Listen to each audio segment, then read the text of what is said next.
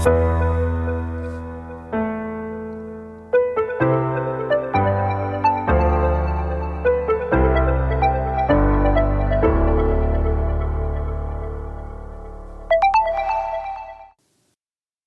werd ik gevraagd op welke manier ik nog aan mijn bewust vaderschap werk. En ik vond het echt een hele leuke vraag, dus ik had van, nou, ik ga dat in de podcast behandelen. Dus in deze podcast sta ik er ook bij stil. En ik heb zeg maar twaalf manieren hoe ik daaraan werk. En je zou het ook kunnen beluisteren als twaalf tips. Waar jij wellicht ook inspiratie uit kan halen. Nou, in deze podcast behandel ik er zes. En de volgende keer behandel ik de andere zes. Het eerste wat ik doe is boeken lezen en luisteren. En dus luisterboeken vind ik echt een uitkomst. Ik ben niet echt een lezer, ik lees niet heel veel. Maar luisterboeken vind ik echt fantastisch, want het kost geen extra tijd. Dus of ik nou sta te strijken, op te ruimen, in de sportschool ben of in de auto zit. Het zijn allemaal momenten waarop ik gewoon een luisterboek kan aanzetten. En dus meer te horen kan komen over, uh, over ouderschap bijvoorbeeld. Enige nadeel wat ik erbij ervaar is dat ik minder makkelijk notities kan maken. Nou, daarnaast lees ik ook veel boeken over ouderschap en persoonlijke ontwikkeling. En ik heb met mezelf afgesproken dat ik één bladzijde per avond lees voordat ik ga slapen. En dit is eigenlijk onderdeel van mijn avondritueel. Al moet ik wel heerlijk, eerlijk bekennen dat dat er nog wel eens bij inschiet. Dus ook die ene bladzijde lukt me niet. Maar ik zeg bewust wel één bladzijde. Want dat zorgt ervoor dat ik geen druk ervaar. En dat ik eigenlijk veel meer vaker lees dan uh, dat ik normaal zou doen. Dus het helpt me. En ik merk dat ik gewoon heel fijn vind om, uh, om te lezen. Een boek wat ik nu lees is De Fontein, Maakwijze Keuzes. En in dit boek gaat Els van Stein in op de systemische onzichtbare wetmatigheden, oftewel de drie systemische wetten, eh, die zowel binnen gezinnen als binnen organisaties eh, aanwezig zijn. En eigenlijk vertelt ze op een hele toegankelijke manier en creëert ze ook bewustzijn en inzicht op welke manier je bijvoorbeeld dingen uit het verleden kan loslaten. En dus ook hoe je wijze keuzes kan maken binnen het systeem. Nou, mocht je geïnteresseerd zijn, uh, leuk boek om te lezen, mooi boek. En het is, een, ja, het is een mooie stap om uh, bewustzijn te creëren. Nou, de tweede manier is dat ik het afgelopen jaar uh, familieopstelling heb gedaan. En zo heb ik eerst met een opsteller mijn gezin opgesteld. Dus ik, heb, ik ben gescheiden, ik heb drie, drie jongens. Dus ik heb mijn drie jongens opgesteld. En daarin heb ik gekeken of ik voldoen in hun behoeftes. Of dat er nog dingen zijn waarin ik ze niet goed zie. Of dat er andere dingen spelen.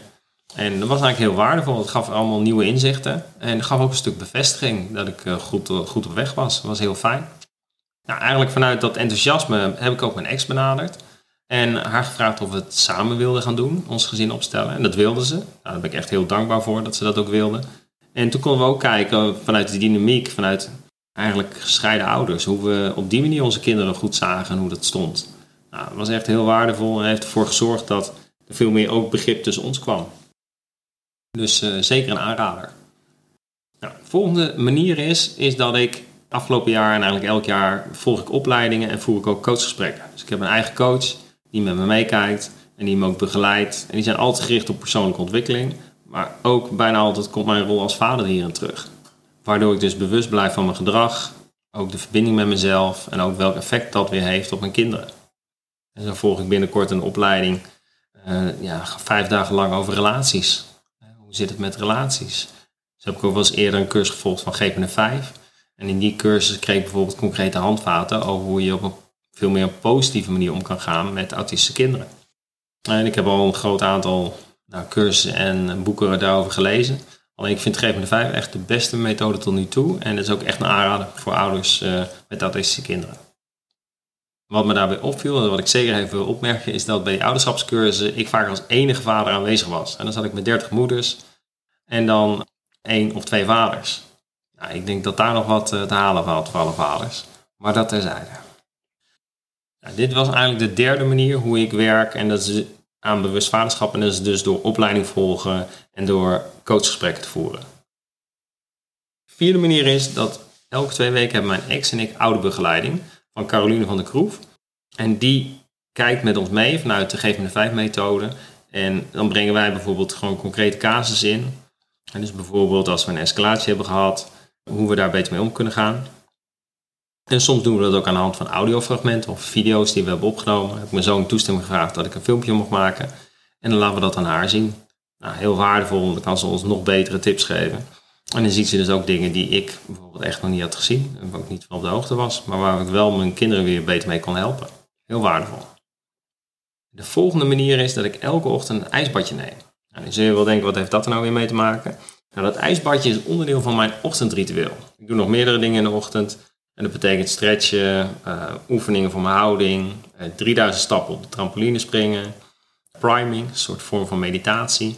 En ook mijn citroenwater en bleekselderij zijn onderdeel van mijn ochtendritueel. Nou, het gaat hier te ver om alle voordelen daarvan allemaal uit te leggen. Het heeft allemaal gezondheidsvoordelen ook. Alleen het zorgt er in elk geval voor dat ik de belangrijkste dingen die ik op een dag wil doen voor mijn gezondheid al heb gedaan. En daardoor dus ook veel minder onrust ervaar op een dag. Dus wellicht herken je het wel, hè, dat je met de kinderen bent en dat de dag anders loopt dan je had gepland, waardoor jij niet meer kan sporten. Nou, frustrerend toch? Dus eigenlijk vanuit die gedachte eh, had ik zoiets van ja, dat ga ik in mijn ochtendritueel zetten. Dan heb ik dat alvast gedaan. Het ochtendritueel zorgt dus voor focus en een goede mindset. Vooral het ijsbadje. En vooral ook voor positieve energie die ik uitstraal. Waarmee ik dus ook mijn kinderen begroet.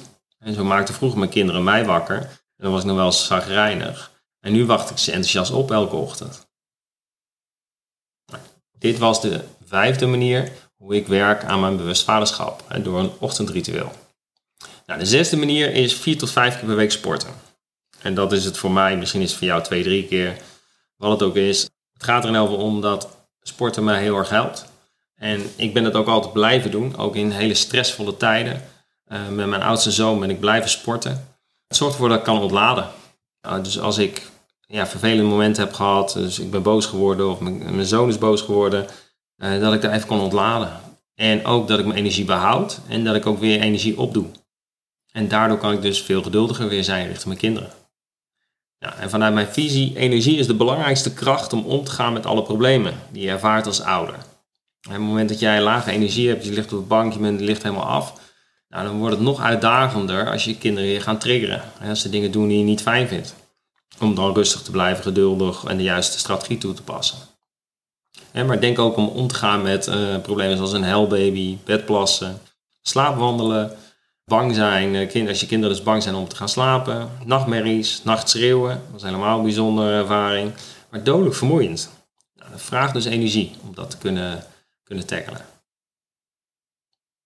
Dit waren de eerste zes manieren en dus ook tips waar je wellicht inspiratie uit kan halen, waarmee ik werk aan bewust vaderschap. En wil je hier meer over weten? Of wil je delen op welke manier jij werkt aan bewust vaderschap? Dingen die ik nog niet heb benoemd, waar, waar jij heel blij van wordt. Nou, laat het vooral weten. Hè, mail het me. Nou, ik hoor het in elk geval heel graag. En de volgende keer sta ik stil bij de volgende zes. Fijne dag.